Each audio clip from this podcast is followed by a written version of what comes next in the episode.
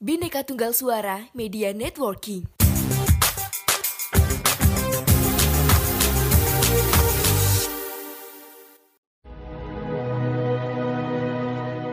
Apa merdeka menurut kamu? Hidup bebas, tanpa hutang, atau lepas dari jeratan tugas sekolah yang menumpuk?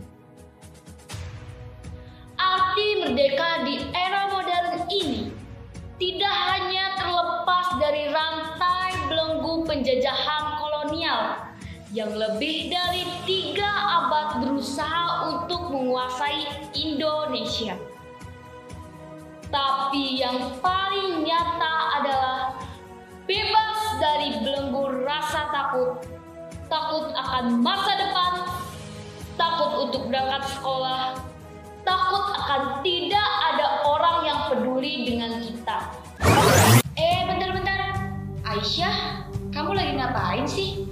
Mentang-mentang bulan ini bulan kemerdekaan.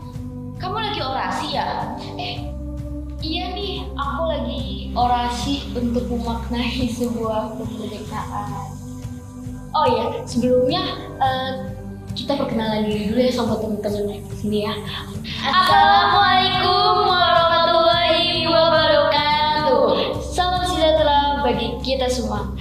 Perkenalkan nama saya Aisyah Nurul Fajri dan perkenalkan nama saya Repa Selviana. Oh iya, di bulan Agustus ini merupakan bulan kemerdekaan bagi bangsa Indonesia. Apalagi di bulan ini merupakan bulan yang penuh rasa su- rasa suka dan duka dan duka bagi para pahlawan kita yang telah berkorban mati-matian demi membela tanah air Indonesia. Seperti kalimat yang pernah disampaikan oleh Bung Hatta, pahlawan yang setia itu berkorban, bukan buat dikenal namanya, tapi semata-mata membela negara. Terlepas dari kata Bung Hatta, aku jadi teringat kata Bung Karno nih. Bung Karno bilang, kalau pemuda sudah berumur 21 sampai 22 tahun, sama sekali tidak berjuang, tak bercita-cita, tak bergiat untuk tanah air dan bangsa, pemuda begini baiknya diduakan saja kepalanya begitu kalau kata Bung Karno. Hmm, kenapa sih kok pemuda yang tidak memiliki cita-cita itu lebih baik dibotakin rambutnya?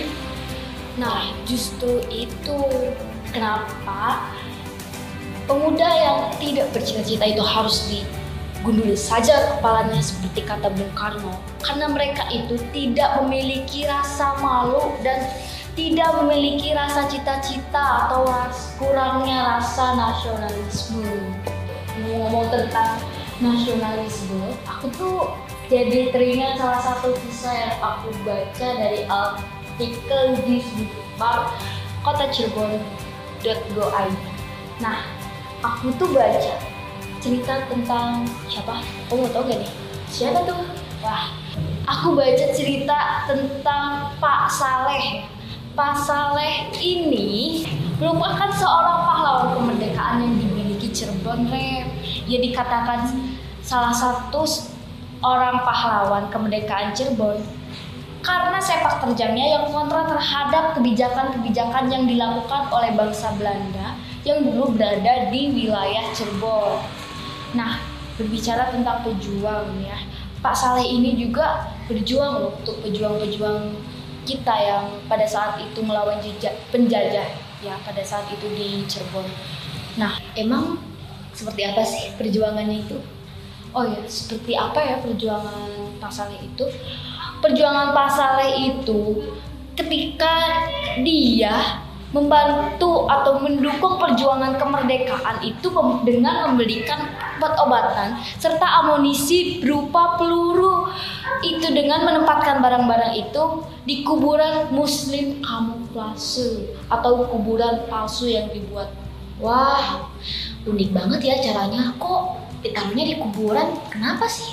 Nah, kenapa taruhnya di kuburan? Karena pada saat itu tuh Pak Saleh menaruh obat-obatan di tujuh atau enam kotak kuburan palsu yang di antara itu kayak disusun di bata-bata di atas tanah gitu kayak kuburan. Nah, kamu mau tahu nggak faktanya penjajah kita tuh dulu takut sama kuburan muslim?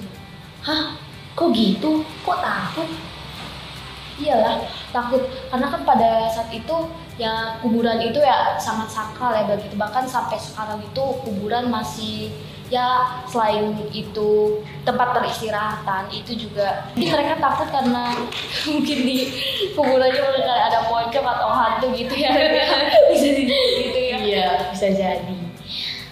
aku jadi aku juga jadi inget nih sama kisahnya peju salah satu pejuang. Ini juga berasal dari Cirebon. Beliau bernama Oli Sastra nama aslinya itu Oli Siti Sukini tapi beliau lebih dikenal sebagai Oli Sastra ya. Jadi beliau itu tuh sangat menentang kedatangan serdadu dari negeri matahari terbit. Kamu tahu kan? Tahu dong negeri matahari itu Jepang. Ah, Nah, benar, iya, kamu tahu. ya. Yang paling aku kagumi itu dari kisah beliau ketika beliau dengan beraninya men- mengibarkan bendera merah putih di gedung Jawa Hokokai. Padahal pada saat itu gedung tersebut itu merupakan markas dari tentara Jepang loh. Wah keren banget ya Wali Sastra ini. Dia perempuan ya tadi. Dia selain perempuan dia berani ngibarin bendera yang kata tadi eh, kata kamu tadi di mana? Di markas di markas tentara Jepang. Iya, markas tentara Jepang ya. Bahkan Bung Karno juga pernah memberikan hadiah berupa nama pada saat Oli Sastra melahirkan anak yang anaknya yang ketujuh. Wah, hebat ya. Selain Oli Sastra diberani mengibarkan bendera di markas Jepang, dia juga diberi hadiah oleh Bung Karno yaitu dinamai anak yang ketujuh ya, Rep ya. Iya. Kalau boleh tahu tuh siapa sih nama untuk anak ketujuhnya itu? Anak dari Oli Sastra yang ketujuh itu diberi nama Muhammad Panji Sabto Hadi oleh Bung Karno. Nama yang bagus ya. Iya. Eh kamu tahu nggak sih? Tadi kan aku pernah, tadi kan aku cerita tentang gedung Jawa Hokokai ya. Iya. Nah itu kan sebelum Indonesia merdeka tuh. Nah setelah Indonesia merdeka, kamu tahu nggak gedungnya dijadiin apa? Terbengkalai kah atau gimana mungkin ya? Oh tidak loh, nggak banget itu mah. Masa terbengkalai gedung yang penuh dengan sejarah tidak Oh iya biasanya terbengkalai kan? eh, gedung-gedung yang dulu pernah di penjajahan itu biasanya terbengkalai dan terurus ya. Kalau ini buat yang markas tadi yang pengibar itu gimana?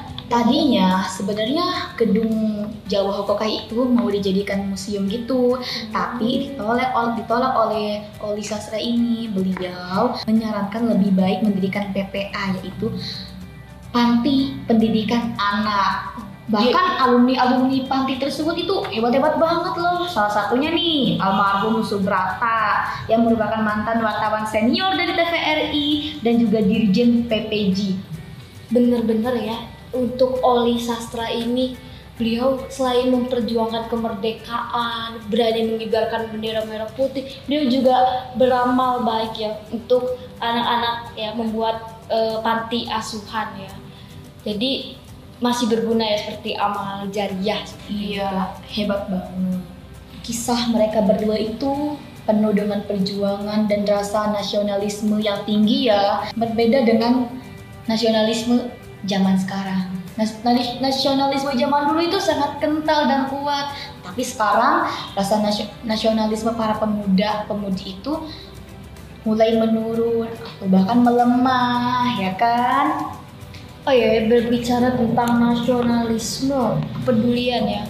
Di sekitar kita ini masih banyak sekali yang tidak peduli ya akan satu sama lain seperti contohnya ketidakpedulian berujung ledakan kasus positif COVID-19 Oh, ya iya. yang rekor perharinya pada itu sekitar lebih dari 57 ribu. Ini merupakan salah satu faktor ketidakpedulian kita, ketidaksadaran kita terhadap sesama. Iya, bahkan mungkin contoh kecilnya nih ya, contoh kecilnya dari lingkungan sekolah deh. Banyak banget tuh anak-anak sekolah entah itu SD, SMP atau bahkan SMP, eh SMA yang membuang sampah sembarangan. Mereka mikirnya ya udah sih, kenapa sih harus kita yang beresin? Kenapa sih harus kita yang tanggung jawab? Padahal kan masih ada yang piket. Padahal kan tanggung jawab lingkungan sekolah adalah tanggung jawab masyarakat di sekolah juga kan? Nah, sebagai siswa seperti Iya. itu ya. Ya dengan begitu ya rasa ketidakpedulian dan rasa tanggung jawab itu ya mereka ya kalau tidak peduli ya nggak peduli gitu ya udah ini mau digimanain gitu ya mungkin sampahnya kayak main ber aja dibuang kayak gitu ya Iya. Ngomong-ngomong, aku mau tanya nih, Boleh, boleh, boleh. Tanya apa tuh? merdeka versi kamu itu apa ya?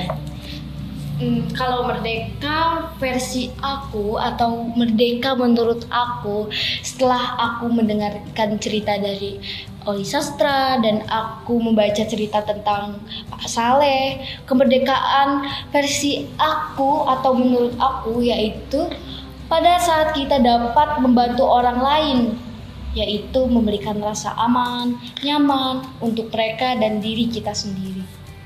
Itu sih kalau merdeka menurut Oh. aku. Gitu ya. Kalau merdeka menurut kamu gimana nih? Kalau merdeka menurut aku adalah nih ketika kita terbebas dari rasa tertekan. Karena kan kalau kita tertekan itu sangat tidak damai gitu. Iya, Hatinya kayak ada aja tidak gajilannya. iya seperti ada yang mengganjal tidak bisa tidur makan pun masih kepikiran Ya, overthinking Oh, bahasa. iya, bener ya. Banget nih bahasa sekarang. Bahasa zaman Iya, sekarang. Betul Reva. Nah tapi juga ada nih Bu Hatta pernah mengatakan anak muda boleh beretorika, tapi juga harus sadar untuk mewujudkan kemakmuran dan kesejahteraan rakyat yang menjadi cita-cita. ya keseja- kesejahteraan rakyat penting. Tapi kesejahteraan diri juga penting. Sih bener banget ya. Jadi merdeka menurut kita itu berarti pada saat kita merasa bebas ya. sejahtera. Tapi tidak lepas dari tanggung jawab, jawab iya ya. bener banget ya oh ya kayaknya kita udah kelamaan ngobrol nih ya Semoga peringatan kemerdekaan tahun ini dapat menjadi refleksi atas pencapaian kita sudah sampai mana. Sekian dari kami, kurang lebihnya mohon maaf bila ada salah kata. ya Kami ucapkan wassalamualaikum warahmatullahi wabarakatuh.